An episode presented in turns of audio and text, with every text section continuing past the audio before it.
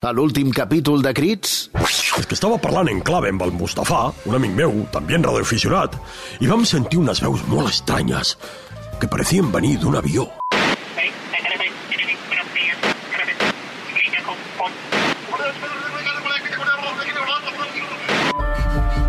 Jo pensava, què collons estan dient? La qüestió és que vaig demanar al Google que traduís tot el que arribava des d'aquell avió i quan ho vaig poder entendre, se'm va glaçar la sang, estimat Laureano.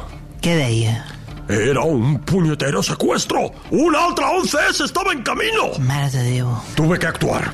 Vaig demanar-li l'avioneta a un amic meu de cuando la mili i me lancé a la caza, així, sin pensarlo dos veces. Col·loca l'aeroplà a l'alçada de l'avió i veu a dos barbuts a la cabina.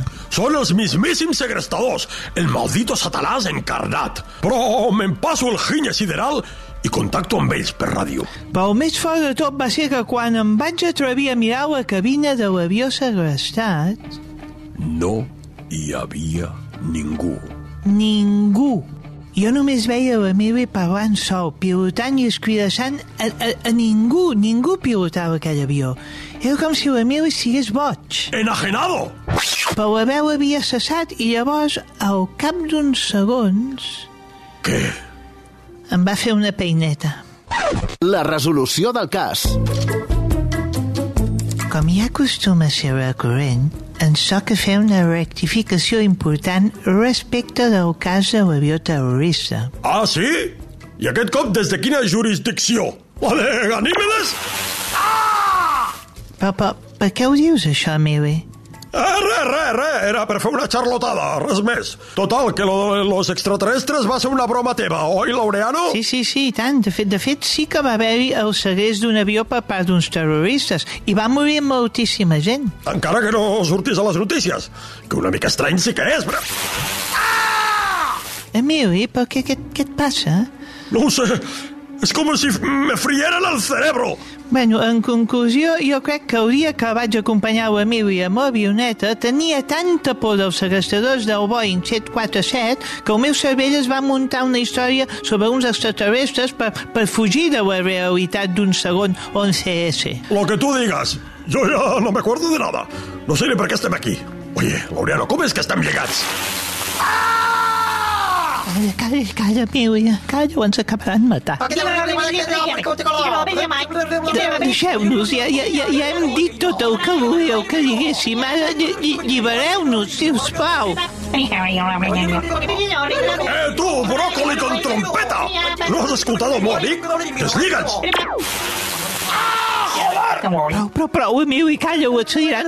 Telepàticament. ¿Tortura, dius? No me hagas reír, Laureano. By the way, ahora te enseñaré lo que es una tortura. ¡Ah! ¡Malditas acelgas atrombonadas! Ahora chuparé un plomo del meu AK-47! No, no, no, Emili, no!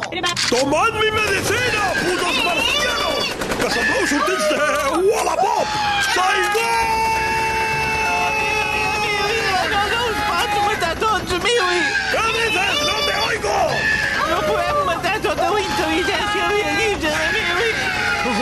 Acuerdo, pues eh, dejaré uno. ¡Buah! ¡Qué a gusto me he quedado! Tú, atrompetao, aixeca't. A ti te concederemos la gracia. Eh, et dius? 40 patacap per la branca Perfecte, Laureano. Ya tenemos colaborador para los temas raritos. En, en, encantado. Yo, yo me llamo Laurea. RAC més i òptica i audiologia universitària per a joves d'un a 100 anys us ofereixen Crits. Esteu escoltant Crits. un podcast d'investigació criminal. Crímenes, secuestros, robos, palizas callejeras, xenofòbia, maltrato d'animals, abús de género, de menors i de tota mena. Tota la verdad y nada más que la verdad surt a la llum gràcies a... Crits. Amb Emili Solsona. I Laureà Lledó. Crits. Posem foscor a la llum. Si bien conocemos con una gran claridad ya cuáles son los procesos que tienen lugar en los ecosistemas terrestres. Si bien sería posible copiar esos procesos para que la propia humanidad les llevara a cabo, sin embargo, los ecólogos y en definitiva los sabios tienen muy poco que hacer aún en el presente y en el futuro próximo de la humanidad. Radio escuchas aquest podcast d'investigació criminal. La veu que acaben de sentir pertany a Félix Rodríguez de la Fuente. No, no es un atontao que hace TikToks, ni un youtuber enfarlopao que parla de gilipolleces des de l'habitació adolescent de casa dels seus pares. No. Bon dia, Laureano. Bon dia, Miri. Explica qui és, o millor dit, qui era Félix Rodríguez de la Fuente. Doncs sí, uh, Félix uh, Rodríguez de la Fuente va ser un naturalista especialitzat en etologia, un divulgador de la vida animal que va triomfar als anys 70 a Radio Televisió Espanyola amb el programa El Hombre i la Tierra, del qual hem sentit la sintonia al començar el nostre postcat d'avui. Postcat, postcat, no postcat, postcat. Postcat. Stevie Wonder, en los años 70 aquest tio era más conocido que el Papa de Roma. Era l'estrella mediàtica més carismàtica d'aquella enyorada Espanya. La bona, la d'abans. El 14 de març de l'any 1980, Rodríguez de la Fuente va morir a Alaska en un accident d'avioneta mentre filmaven material pel programa que el va fer tan i tan popular. ¿Accidente has dicho? Mis cojones empitolados en un tridente. Félix Rodríguez de la Fuente va morir asesinado con premeditación, alevosía y toda la hijaputez propia de los asesinatos en sí. Per anar entrant en aquesta hipòtesi de l'assassinat, escoltem ara un testimoni que coneixia personalment el Fèlix i que descriu com era en realitat darrere de les càmeres. Yo conocía a Félix del, del pueblo, de, de Poza de la Sal, de donde tanto él ah, como yo pues somos, somos originarios. Yo era un niño en, en ese entonces cuando él era ya un personaje famoso. Se le conocía en el pueblo por colgar a los perros de los cojones, les ataba un cordel en los huevos y los dejaba colgados de un árbol con, con toda la maldad que, que te puedas imaginar. Le encantaba ah, también hacer paella de gato, con, con carne de gato que despellejaba vivo ante, ante los comensales, jactándose de ello y haciendo cachondeo en, en todo momento, sin tener para nada en cuenta el, el- el sufrimiento del, del animal. En fin, pues que, que estamos hablando de un maltratador animal en toda regla. Y cuentan, cuentan, cuentan que tenía una cabra en su casa y con ella... Ya, ya me entiendes. ¡Buah! Declaraciones de impacto. Rere la cara amable que tots els espanyols coneixíem de la tele, s'escondia el monstruo. El animal era él. No, no ens precipitem, Emili. Això, això només és un testimoni. No, no, no, sos una bona persona que coneix de primera mà la maldat de l'hijo puta ese. Bueno, bueno, bueno, bueno. Seguim, seguim estirant el fil de la línia d'investigació que l'equip de Creeds, nosaltres mateixos, hem seguit per plantejar la hipòtesi de l'assassinat. D'acord, però abans, un minutet per a la publicitat. Notes que els anys han passat i ja no ets el d'abans? No et preocupis. A Mira tu com estan ells, et donem la solució. Un equip d'actors jubilats es desplaçaran a casa teva i et faran una lamentable performance que reforçarà la teva malmesa autoestima. Perquè si tu estàs malament, ells estan molt pitjor. A canvi d'un plat calent, l'equip d'actors exhibirà tot tipus de mancances, les pròpies de tants i tants anys de mala vida regada amb alcohol. ¡Ah, Dulcinea! C, C, o no sé, o, o, o yo que Mira tu com estan ells. El patètic teatre a domicili que et retornarà la confiança en tu mateix. No et queixis, perquè sempre podia haver estat molt pitjor. Y joder, colorado, ¿hasta cuándo se ha acabado? Po- Podem dinar ja? Jove pellotier o manoletaire, vas calent o calenta? T'agrada tocar-te pensant en el cos d'altri? La revista Flaviol i Ximbomba t'ofereix les millors imatges dels famosos més nostrats perquè tot quedi a casa nostra. Presentadores del Telenotícies Vespre, actors forjats al Teatre Lliure, esportistes d'elit que fan gran el nostre país i molts altres objectes del teu desig més nostrat, ara tots al teu abast gràcies a la revista Flaviol i Ximbomba. Sigues l'enxaneta del teu propi desig. Posa folre i manilles al teu plaer amb Flaviol i Ximbomba.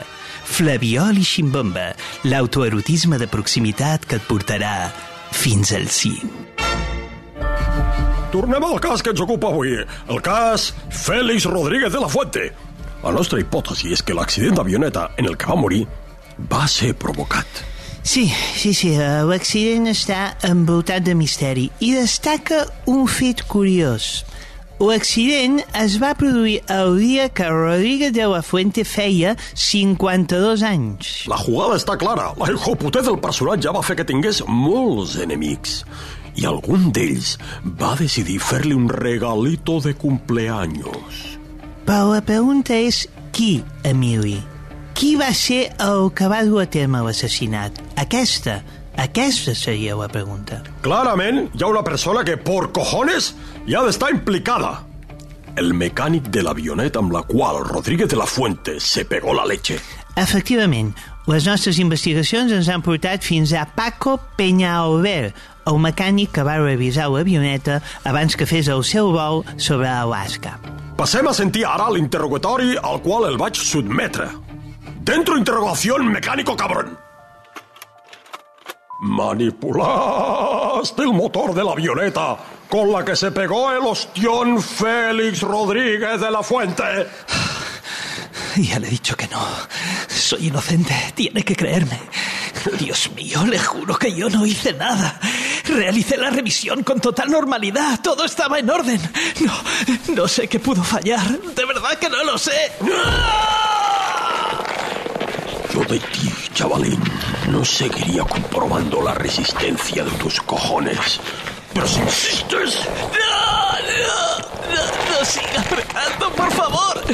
Está, está, está bien, está bien, sí, sí, sí. Félix nos caía a todos como el culo. Ahora. Abusó de un hurón que yo tenía como mascota. Despreciaba a los animales casi más que a las personas. Nos pagaba una mierda. Era desconsiderado y cruel con todo el mundo. Pero, pero le juro por mi mujer y mis hijos, señor Solsona, que yo no hice nada. Se lo juro. No, no, no, no.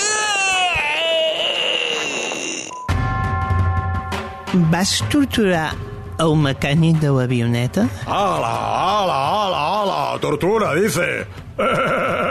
Eh, lo vas a apretar una mica porque la gentuza esta está acostumbrada a mentir. Ha de pressionar, hombre, si no se te vean en la cara. Jo, jo... Jo ja no sé en quin equip estic, Emili. Com sí? Li, li, li estaves apretant els testicles a un home que és pare de família. Bueno, pues, pues, pues por eso. Bueno, aparte de que con esa voz de doblaje me ponía de los nervios. Con los testículos ell ja ha fet la feina, no ho entens? Va, va, va, va, va. Padre família, ja, ja, ja, ja no ha de fer res més. No ens desviem de la qüestió que importa. El cabrón este del mecánico va reconèixer que ningú tragava el de la fuente perquè era un hijo puta de cuidao. Està claro que, encara que no ho hagi reconegut, l'accident va ser un complot per acabar amb la seva vida. A veure, a veure, sembla... Sembla que l'equip amb el que treballava podria tenir motius, sí, per, per, per desitjar-li la mort. Podria dir no, hombre, no! Tenia motius per voler-lo pelar.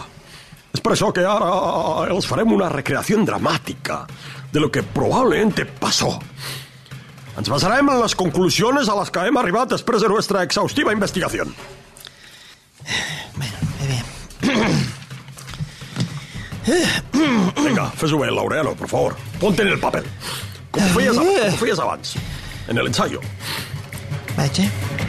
Adelante.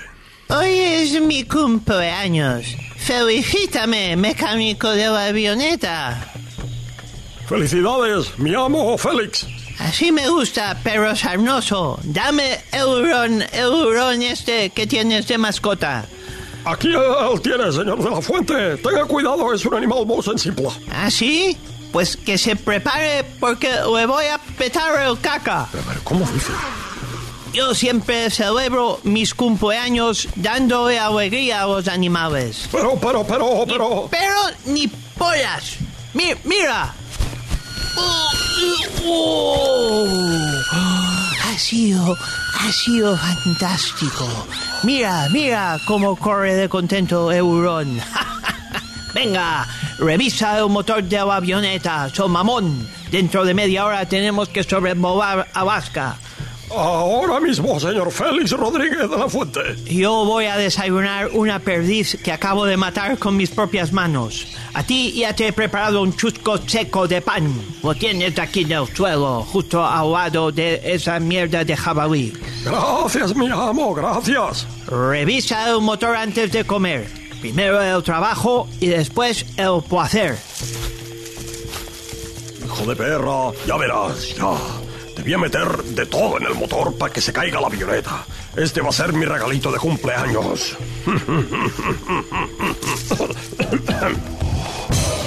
Bien, Laureano. Has interpretat molt bé el Rodríguez este de los cojones. No, de, de, de la fuente, de la fuente. Sí, sí, m'he notat bastant suelto, eh? Tu, tu has estat bé, eh, de dolent, Emili? Sí, sí, eh? Els dolents es disfruten molt, hòstia. Tenim una vena artística molt potent, tu i jo, eh? eh sobretot tu, Emili. Ah, va, va, no te, no te quites mèritos. No, no, no et treguis mèrits, home. Ah, bueno, mira, em, em defenso, també, sí.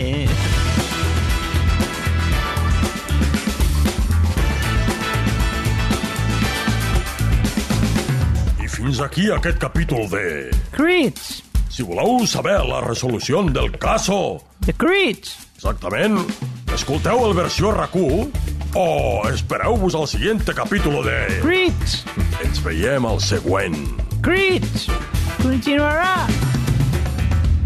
Bueno, què? ¿Preparado para hacer deporte o què, Laureano? Bueno, d'aquella d'aquella manera. Avui m'he aixecat amb una mica aquí a l'esquena, que, però bueno, és igual. Tonteries, hombre, lo que has de fer és un escalfament ben fet. Mira, mira, mami, hop, hop, hop, hop, rebote, rebote, rebote, rebote, pierna derecha, pierna derecha, pierna izquierda, estira, estira, estira, los Jo- cojones.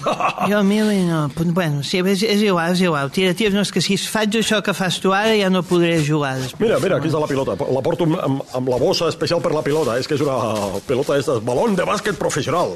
Mira, bota, bota, bota, bota. Espera, que el, tra el traiem de... Treu-la, treu, treu, treu la pilota de la funda, treu. A veure... Que va amb una cremallera, això? Sí. Emili, per què, és això? Treu, treu, estira, estira. Estira de los pelos. Però quin, quina classe de pila... Però què és això, Emili? És una cabeza cortada! És la que tenia tots aquests anys a sobre la tele, que la meva dona me la, me la va fer treure. M'estàs dient que això és- un cap humà de veritat, Sí. Emili? Sí, senyor. Dice per, l'amor de Déu, això d'aquí no ho vull tocar això com vols que juguem al, bàsquet amb això? Eh, Que era una broma, hombre. La, la pelota la tengo en el coche. Ara l'agafem, home. No te pongas así. Però qui- de qui era això, Emili? Que és de, de Vietnam o d'aquestes... his- Sempre estàs igual. En el Vietnam, ya te lo he dicho, pasaban cosas muy oscuras. Pero no, aquesta no. Aquesta és un cunyat que vaig tenir, que me caia com, com el cul, i al final, mira, vaig, vaig, vaig, vaig anar per la, per la via directa. Emili, Emili, espero que això sigui una broma d'aquestes així de negres que fas tu, perquè És és, que broma, si no m'estic convertint en un còmplice de, de, de, és que no ho vull ni saber. Amb quin equip estic, Emili? Amb quin equip anem, Emili? En los Lakers, jo los Celtics. No, no, els Lakers, els buenos o els malos, amb quin anem, Emili? Hop, hop, hop, mira, mira este balón. Ets el balón. Eh, Canasta! Dos puntos! Ah, vaig guanyar! RAC més i òptica i audiologia universitària us han ofert Crits, un podcast que compta amb els actors Xavier Bertran i Cesc Casanovas com a protagonistes i Salva Coromina fent el disseny de so. Als 20, als 40, hi ha una edat per cada cosa. Una edat? Hi ha una edat per ser jove i una altra per deixar de ser-ho? Quan has de deixar de somiar? A Òptica i Audiologia Universitària sabem que, tinguis l'edat que tinguis, és perfecte per ser jove. Òptica i Audiologia Universitària, per a joves d'un a 100 anys.